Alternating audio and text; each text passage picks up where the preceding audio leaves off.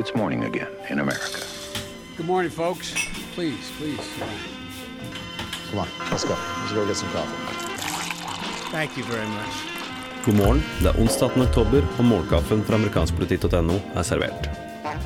I går kunngjorde senatorene Lamar Alexander og Patty Murray, først en republikaner fra Tennessee, andre demokrat fra delstaten Washington, at de har kommet fram til en midlertidig avtale som kan sikre helsesubsidiene i Obamacare, som Trump ville kutte. Forslaget deres sikrer da subsidiene til eh, forsikringsselskapene, at de da blir finansiert de neste to årene. Subsidiene, også sendt som kostnadsfordelende reduksjoner, vil senke egenandelen ved kjøp av forsikring for de med lavere inntekter, eh, og er da en sentral del av eh, Affordable Care Act. Senator John McCain støtter uh, forslaget, sier at, det her, uh, at den har håp for at det kan være det første av mange, mange tverrpolitiske samarbeid. Uh, president Trump sa i går at dette er en god midlertidig løsning. Gjenstår fortsatt å se om det er noen vei videre for dette forslaget. Litt murring blant konservative i Representantenes hus. En av måtene dette selges inn på til medlemmer av Kongressen i begge kamre er at det her da vil kunne ta eh, deler av denne saken av bordet i mellomvalgåret 2018 og også 2019. Eh, en måte eh, for medlemmer av Kongressen å gå over til andre saker og fokusere på. De har mer enn nok på plakaten. I går ble det da kjent at en føderal dommer blokkerer også den tredje versjonen av Trump-administrasjonens eh, innreiseforbud.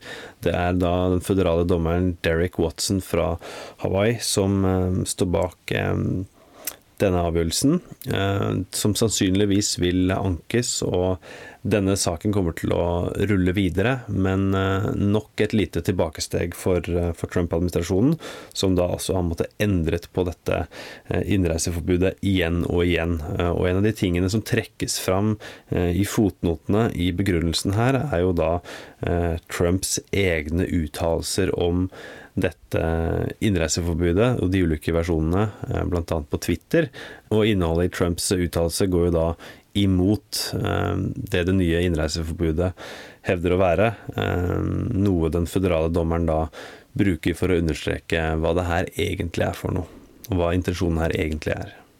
Som jeg var inne på i gårsdagens utgave av Morgenkaffen, så kritiserte eh, president Trump tidligere denne uken sine forgjengere, med Barack Obama i spissen, for ikke ikke å ringe til familiene eh, og etterlatte av eh, amerikanske soldater og militære som da er drept i, eh, i utlandet. Og han brukte det da som et, en måte å, å ta vekk litt fokus fra kritikken mot ham selv, for at Trump ikke har gjort dette. En av de sakene som, som kommer til å høre mer om framover i dag, er jo da La David Johnson, som var en av de fire som ble drept i, i Niger. Og hans eh, kone Maisha Johnson eh, fikk i går en eh, telefon fra Donald Trump, og vi skal her høre hva kongresskvinnen Frederica Wilson fra Floridas 24 kongressdistrikt, en demokrat, og hun satt da i bilen sammen med enken til Johnson, og hun hadde telefonen på, på høyttaler idet Ingen hadde telefonen på høyttaler idet Trump eh, ringte. Vi skal her høre hva Wilson sier at Trump sa. Well, basically he said, um, well, I guess he knew what he signed up for, but I guess it still hurts. Hmm. That's what he said. The president said to her, um, he knew what he signed he knew, up for. He knew what he was signing up for. But when it happens, it hurts anyway. Uh huh. Yeah. So it's almost as if this is a young, young woman who has two children, who is six months pregnant with a third child. She has just lost her husband. She was just told that he cannot have an open casket funeral which gives her all kinds of nightmares how his body must look, how his face must look. Mm-hmm. And this is what the President of the United States says to her?